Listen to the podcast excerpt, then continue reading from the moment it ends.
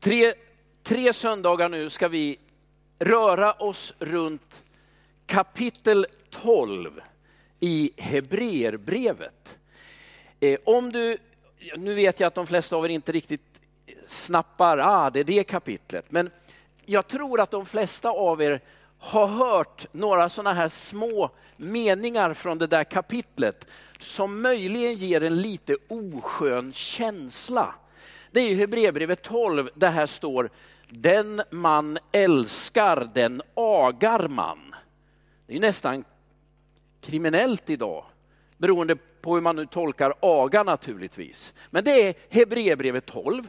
Så där så att man tänker det det här är lite problematiskt att detta ska stå. Och så försöker man tänka, men det där är skrivet i en annan tid och en annan kultur. Men vänta nu, jag vill säga till dig att Hebreerbrevet 12 är skrivet som en enda lång uppmuntran.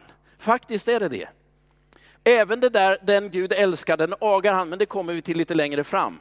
Det är skrivet för att du faktiskt ska tänka, nej men jag ger det här en chans till.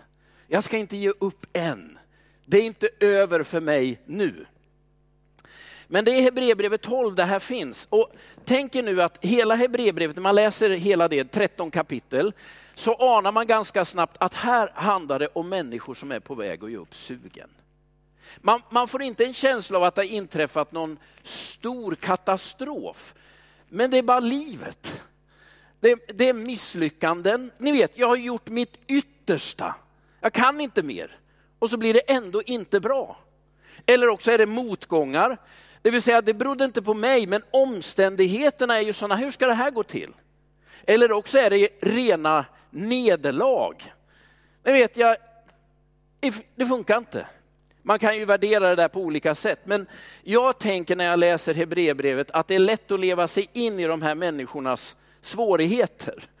Därför att vi har ju alla bilden av, eller drömmen om det friktionsfria livet. Hur ska det vara? Ja, men allt klaffar, jag är lycklig, hälsan är på topp, ekonomin är som den ska, hemma är alla nöjda, äktenskapet är ju en fröjd. Det är ju bara det att det är ytterst få perioder i livet man befinner sig i det stadiet. Och sitter du här inne och tänker, men jag är där nu, då vill jag säga, njut. Du är välsignad, ta vara på stunden. För även om du tänker, men jag har koll på läget, så är det ju saker runt omkring dig du själv inte styr, som rätt vad det är kan slå till emot dig. Och så tänker du, varför händer det här mig? Och var finns Gud man som bäst behöver honom? Jag vet, här har man bett ett helt liv, gått i kyrkan ett helt liv. Vad, har jag, vad får jag ut av det? Och så tänker man, nej jag ger upp, jag släpper taget. Kan någon känna igen det här? Om inte annat kan jag säga att jag känner igen det själv så pastor jag är. Det är, det, det är mitt in i den här situationen, i den här liksom mentala träskmarken som Hebreerbrevet 12 är skrivet som en enda lång uppmuntran. Ge inte upp, det är för tidigt än, sluta inte hoppas. Det kommer en dag imorgon också. Och nu delar vi det här i tre delar och ni ska få den första delen nu. Och den första delen får ju rubriken, och det här är ju nu gjort för att det ska vara skrivet på webben, det är inte klatschigt att säga det, men så här tänker jag. Första delen handlar om vad du själv kan göra för att bli starkare. Precis så. Vad du själv kan göra för att bli starkare genom misslyckanden, motgångar och nederlag. Det vill säga när det där som ingen av oss kommer undan, som vi alla hoppades att vi slapp, men ingen av oss kommer undan. Hur kan jag komma ur det och faktiskt vara lite starkare? Är det möjligt? Ja, åtminstone finns det i Hebreerbrevet 12 mycket kraft att hämta i de här situationerna. Nästa söndag så kommer det handla om vad Gud gör för dig. När du kämpar med dina misslyckanden, nederlag och motgångar. Vad gör Gud för att du ska bli starkare? Och sista söndagen, när du står i ett rejält misslyckande eller när nederlaget har manglat dig igen, så finns det några saker du definitivt ska undvika att göra. Alltså, vad kan jag själv göra? Vad gör Gud? Och vad ska jag under alla omständigheter försöka låta bli? Det är Hebreerbrevet 12. Väldigt, väldigt goda råd.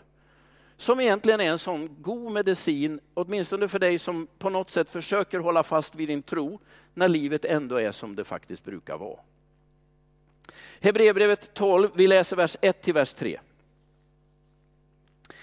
När vi nu är omgivna av en sådan sky av vittnen, låt oss då även vi befria oss från allt som tynger, all synd som ansätter oss och hålla ut i det lopp vi har framför oss. Låt oss ha blicken fäst vid Jesus, trons upphovsman och fullkomnare. För att vinna den glädje som väntade honom uthärdade han korset utan att bry sig om skammen och sitter nu till höger om Guds tron. Tänk på honom som uthärdade sån fiendskap från syndare så att ni inte tröttnar och förlorar modet. Det där sista är inte så dumt. Alltså varför säger han det här? Ja, han säger så att du inte ska tröttna och så att du inte ska förlora modet. Tre saker nu. Det första han säger det är omge dig med rätt förebilder. Det andra han säger det är håll blicken fäst vid Jesus. Och det tredje han säger det är tänk på Jesus. Så de tre grejerna tänker jag säga något om. Det vill säga omge dig med rätt förebilder, ha blicken fäst på Jesus och tänk på Jesus. Allt detta så att du inte förlorar modet och ger upp hoppet. Håll i. När vi nu är omgivna av en sån sky av vittnen. Det där är kanske lite märkligt språkbruk, men han talar ju egentligen om det han har skrivit tidigare, kapitel 11. Han har gått igenom en massa av Bibelns stora gestalter. Och det är ju gestalter, om man läser om dem, som har ganska uppenbara bekymmer, brottas med personliga problem, svaghet, feghet. Men de håller i sin tro. Och Gud kommer till deras hjälp. Inte därför att de har gjort sig förtjänta av det, utan därför att de klamrar sig fast vid Gud. Gud räddar dem, säger han. Och så berättar han den här historien, kapitel 11, om människor som i all sin brist ändå hoppas på Gud och som Gud griper in och hjälper. Och så säger han till dem, men det här är ju en fantastisk skara av vittnen. Och det är inte så att de vittnar är vittnen till det du gör, utan deras liv är ett vittnesbörd för dig. De är en berättelse för dig. Du har en sån sky omkring dig. Så det är egentligen min första fråga. Har du en sån sky av vittnen omkring dig? Finns det sådana människor i din föreställningsvärld, i din tankevärld, som ändå är en sorts berättelse om Guds godhet? Inte om sin egen fullkomlighet, för de, de människorna måste i så fall bara vara på långt avstånd. För ju närmare man kommer inser man att alla människor har fel och brister. Alltså Moder Teresa är ett helgon ända tills hon kom i närheten av folk. Ni vet på stort avstånd, alla man kommer nära inser man men det där har ju, han har ju problem med temperamentet och hon har ingen uthållighet och han har ju de här problemen. Det handlar aldrig i Bibeln om människors helgjutna karaktär. Det handlar att de vittnar om Guds trofasthet genom livets alla bekymmer. Har du någon sån människa i din närhet? Har du en sån sky av vittnen? Jag, jag insåg här för ett tag sedan att jag petade i den här skyn av vittnen för några människor. Det var väldigt uppfriskande för mig. Jag blev intervjuad av tidningen Dagen. Jag är, jag är lite osäker på sammanhanget, men det handlar om Levi Petrus. Min företrädare som grundade Philadelphia-församlingen, eller var en av de förgrundsgestalterna ska man säga, var föreståndare under 58 år. Jag kommer aldrig komma i närheten av honom. Och tidningen Dagen frågar mig, vad har du för förhållande till Levi Petrus? Och jag svarar okänsligt nog, inget alls. Vilket ju är fel svar från föreståndaren i Philadelphia. Möjligen kan du av den artikeln lära dig att jag i regel säger det jag, det jag tänker. Det är också ett bekymmer. Man ska ju inte alltid göra det, men jag har den tendensen. Och om jag, om jag säger något så brukar det vara precis det jag tänker. Och jag säger ingenting jag inte har tänkt, i bästa fall. Det har väl hänt det också. Nej, sa jag, jag har inget förhållande till Levi Petrus. Och sen så sa jag en del annat som framstod ganska nonchalant, alltså till och med nästan arrogant. Och sen fick jag ändå ur mig på slutet att det jag ändå har lärt mig av Levi Petrus, det är att han alltid satte saken före individen, vilket ju är egentligen ett uttryck för brutalitet. Alltså om en människa kommer i vägen för saken, bort med han, saken först, människan sist. Det blir inget bra.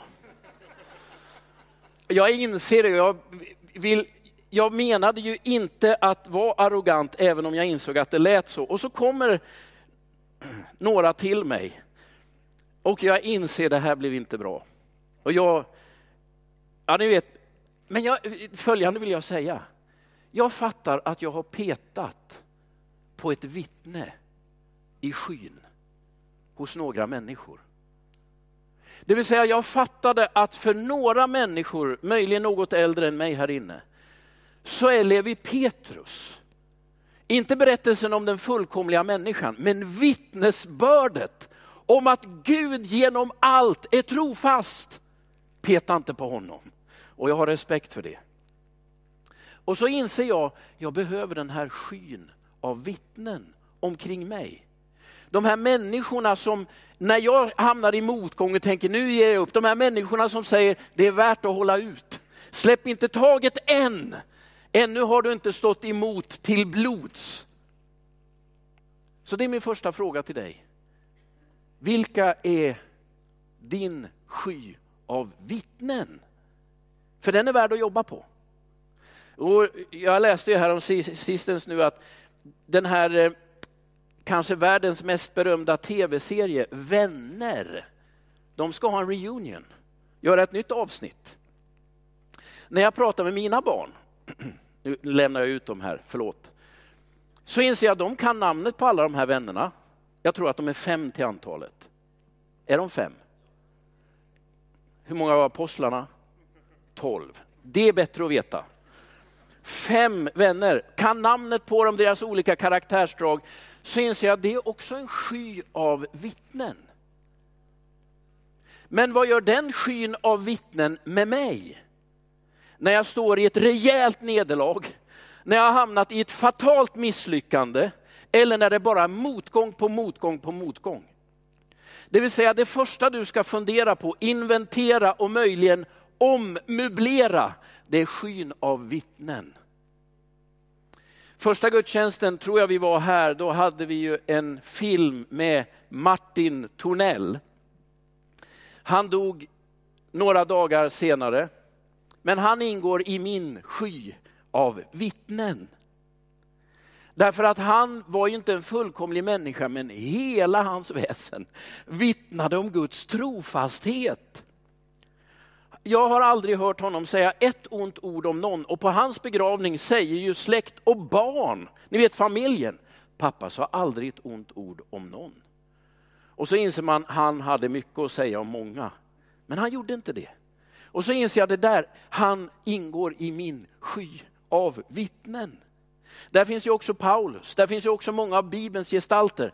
Men du, det du ska göra nummer ett, det är att fundera över skyn av vittnen. Och leta inte efter fullkomliga människor, för de finns inte. Men det finns människor som genom allt har en liten berättelse om Guds godhet, om Guds trofasthet. Det kan vara en söndagsskollärare, eller i mitt fall min bedjande mormor. Hon ringde ju ibland och grät och sa det är lika bra jag dör. Alltså någon sorts självömkan tog lätt över henne. Men genom allt detta hade hon en sorts tro på Gud och bad för mig genom allt. Så tänker jag det är bra med den där skyn av vittnen. Så det är min första, eller inte min, det här är Hebreerbrevets absolut första recept. Möblera skyn av vittnen och se till att du bland dem som cirkulerar i din tankevärld också har någon som talar om tro och Guds godhet. Det är viktigt. Nummer två. Var fäster du blicken? Låt oss ha blicken fäst vid Jesus, trons upphovsman och fullkomnare. Det där uttrycket älskar jag. Hörde du vad, vad som sägs? Låt oss ha blicken fäst vid Jesus, trons upphovsman och fullkomnare. Det vill säga, det är inte du som är din tros upphovsman eller upphovskvinna. Det är ju så vi ibland tänker. Ja, jag har för dålig tro, jag tror för lite. Det är något fel på min tro. Och så börjar vi på något sätt massera vår egen trosföreställning. Låt bli det. Och håll blicken fäst vid Jesus. Han är trons upphovsman och fullkomnare. Det här sägs ju på lite andra sätt i Bibeln. Han kallas för A och O, eller A och Ö säger vi i Sverige då. Det vill säga han är både början och slutet och därmed också allting däremellan. Han är trons startpunkt och han är trons fullkomnare. Så om du tittar på honom så är det ju inte som att titta på en tavla eller en tv. Det är en interaktiv aktivitet. När du ser på honom är han trons upphovsman och fullkomnare. Vilken tro? Din. Så alltså när du tycker att din tro är svag, sluta titta i spegeln. Sluta bli alltför självanalyserande, självkritiserande. Och börja titta på Jesus. Varför? Ja, men han är trons upphovsman och fullkomnare. Så oavsett om du nu är i starten av att tro eller har varit med länge, spelar ingen roll, ta en titt på Jesus. Det är det han säger. Förlåt, det är enkelt, men det ligger en sån djup andlig hemlighet i detta. Och vi lever i en tid då individualism och självupptagenhet håller på att ödelägga vår värld. Sluta titta på dig själv. Och sluta titta för mycket på dina omständigheter. Det är ofrånkomligt, jag fattar, det är det vi gör. Men när du står i ett rejält misslyckande, när du tänker att det är nederlag på nederlag på nederlag, det är det man vill titta på. Och nu kommer en motgång också. Det tar aldrig slut. Och det är som att de har tagit kölappar för att invadera min värld. Då är det det man börjar titta på. Sluta, tänk nu så här, vad säger han? Först, se till hur det är med skyn av vittnen. Två, titta nu på Jesus en stund istället. Varför? Han är trons upphovsman och dess fullkomnare. Så ju mer du tittar på honom, desto mer kommer tron ändå att börja fästa i dig. Jag vet att det är självklarheter, men det måste sägas. En del av oss har ju, en del av oss har ju större benägenhet för självömkan. Det finns ändå så fina vinster i att det är synd om mig. Att vara ett offer, det ger fördelar. Sluta med det. Det betyder att det alltid är någon annan som har makten i ditt liv. Det klär inte en kristen att vara ett offer. Det du ska göra det är att titta på Jesus istället. När du känner, jag har bara motgångar, jag har nederlag och nu är det ett stort fett misslyckande här idag också. Sluta titta, titta på Jesus. Han är trons upphovsman och fullkomnare. Det vill säga, när du tänker, jag har ju inte ens en tro kvar. Nej, men titta då på Jesus istället. Det är därifrån tron kommer in i ditt liv. Och när du är i process, fortsätt titta, för det är därifrån det kommer. Man talar ju om vision, ni vet, det vi på något sätt får bilder av i vårt inre, hur väsentligt det är. Så där säger Hebreerbrevets författare först, försök få en bild av Jesus. Och så säger han, ta av dig allt som tynger och all synd som vill ansätta. Ja, men hur gör man det? Titta på Jesus, trons upphovsman och fullkomnare. Ja, jag funderar mycket på vad är det som tynger? Ja, men för några av oss är det ju tankar. Tankar tynger. Bilder av oss själva tynger. Erfarenheter tynger. Eller människor runt omkring oss tynger. Ja, men hur, vad gör man då med allt det här som bara sänker en? Eh, Receptet är lika enkelt som, som det nu upprepat många gånger av mig. Fäst blicken på Jesus, trons upphovsman och fullkomnare. Tredje nu då. Tänk på honom. Vad är det man ska tänka på? Ja, men det Hebreerbrevets författare trycker på när han skriver det här är ju att Jesus också hade det lite tufft. Det var motgångar om man säger Hans liv var ingen succé, mänskligt sett. Det var ju en katastrof. Det gick ju inte hans väg på slutet. Åtminstone inte som man tänker rent mänskligt. Hänger ni med? Det är det här Hebreerbrevets författare säger. Tänk på honom. Varför är det viktigt när man går igenom misslyckanden, när man har motgångar och nederlag? Jo men det första du kan inse när du tänker på Jesus, det är livet är ju inte rättvist. Eller hur? Ni vet när man, börjar, när, man har, när man har haft nederlag, misslyckanden och motgångar så tänker man, varför händer det här mig? Och så börjar man analysera att jag nog har förtjänat det här, det här är rätt åt mig. Man vill ju se att det finns någon ordning. Men du, tänk på Jesus. Fick han vad han förtjänade? Nej. Men han gjorde det ändå. Alltså du som tänker, ja men det här hände för att och därför blir det här. Nej men tänk på Jesus. Han var helt oskyldig. Han hade inte gjort något ont mot någon. Och han dödades. Tänk på det. Hänger ni med? Så när du hela tiden försöker hitta den här lite lätt sjuka logiken till varför just du ska drabbas av alla de här nederlagen och misslyckanden, och vi hittar ju alltid den logiken, då är det som om en brevbrevsförfattare säger, nej men tänk om, tänk inte på det, tänk på Jesus som ju utstod så mycket han inte förtjänade, som han definitivt inte hade jobbat ihop till själv. Han fick det. Men det livet är inte rättvist, det räcker att tänka på Jesus för att fatta det. Men Gud är god. Men livet är hårt. Tänk på Jesus, säger han. Du drabbas inte av olyckor för att du förtjänar det, utan för att det finns mörka krafter i världen. Det finns mycket mörker i den här världen. Det är inte Gud som sänder olyckorna. Det är onda människor, det är onda andemakter som på något sätt gaddar sig samman emot Jesus. Det är inte det att han har förtjänat att korsfästas. Det var ju det en del sa, att det här får han för han förtjänar. Andra har han räddat, nu får han rädda sig själv om han är Guds Messias. Tänk en stund på Jesus, så inser du livet är inte rättvist, men Gud är god. Det är inte så att vi får vad vi förtjänar. Det finns onda makter och ibland också destruktiva människor som opererar för att göra livet svårt för oss. Och ibland måste man plågsamt nog erkänna att man själv har lierat sig med de onda makterna för att göra livet problematiskt för andra. Tänk på Jesus!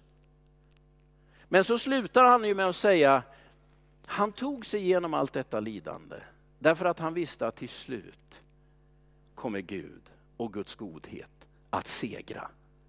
Tänk också på det. Alltså när du tänker på Jesus så pekar han på att det var inte rättvist det Jesus utsattes för. Det var fullt av onda makter och omständigheter bortom egentligen det som har med hans handlingar att göra. Han gjorde ju bara gott, men fick ont. Så när du försöker hitta logik i saker och ting, sluta tänk på Jesus istället. Men han bet ihop därför att till slut är Gud ändå Gud. Tappa inte den tanken. Det är det här han säger, så att ni inte tröttnar eller förlorar modet. Så låt mig säga att vara människa det är att emellanåt vara blytungt trött och modlös. Men Bibeln är skriven, Hebreerbrevets författare skriver detta för att du inte ska tänka det är kört. Det behöver du inte tänka. Skyn av vittnen, möblera den. Håll blicken fäst vid Jesus. När du tänker jag tappar sugen, det här går inte. Blicken på Jesus, lyft blicken. När du börjar tänka varför händer det här mig? Tänk på Jesus. Det är inte logiskt rättvist. Men till sist kommer Gud ändå att segra. Tänk på det. Hörrni, några söndagar nu ska vi kretsa kring det här. Jag är färdig för idag. Men Bibeln är egentligen skriven med en enorm realism. Och jag tror att du ska ta det till dig. Idén om det enkla friktionsfria livet utan några problem, det finns inte.